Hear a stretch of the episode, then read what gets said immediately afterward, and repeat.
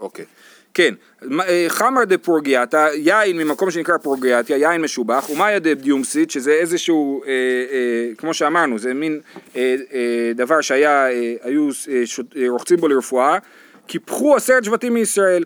רש"י מסביר שהיו בעלי הנאה ועסוקים בכך, ולא היו עוסקים בתורה ויצאו לתרבות רעה.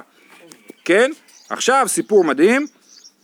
רבי אלעזר בן ערך איקלה לאטה, רבי אלעזר בן ערך כידוע אה, היה מתלמידיו, התלמיד הכי גדול של רבי יוחנן בן זכאי, כמו שאנחנו אומרים במסכת אבות, אבל אחרי אה, אה, כנראה חורבן ירושלים, שרבי יוחנן בן זכאי הלך ליבנה, הוא לא הלך ליבנה, לאן הוא הלך? כתוב במקום אחר שהוא הלך לאמאוס, כי זה המקום של מים היפים, כן? אז הוא הלך למקום של תענוג, ואשתו אמרה לו, אנחנו הולכים למקום של תענוג, ולא, והיא אמרה לו, אל תדאג, אתה הכי גדול, כל התלמידים יבואו אחריך.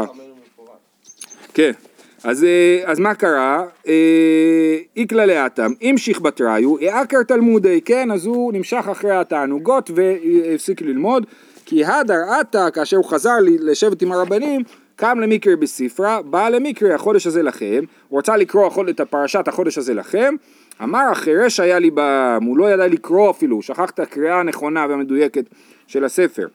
באו רבנן הרחמי עלי והדר תלמודי, ביקשו עליו רחמים וחזר תלמודו, והיינו דתנן רבי נאורי אומר, הווי גולל למקום תורה, ואל תאמר שהיא תבוא אחריך, שחבריך יקיימוה בידיך, ואל בינתך אל תישען.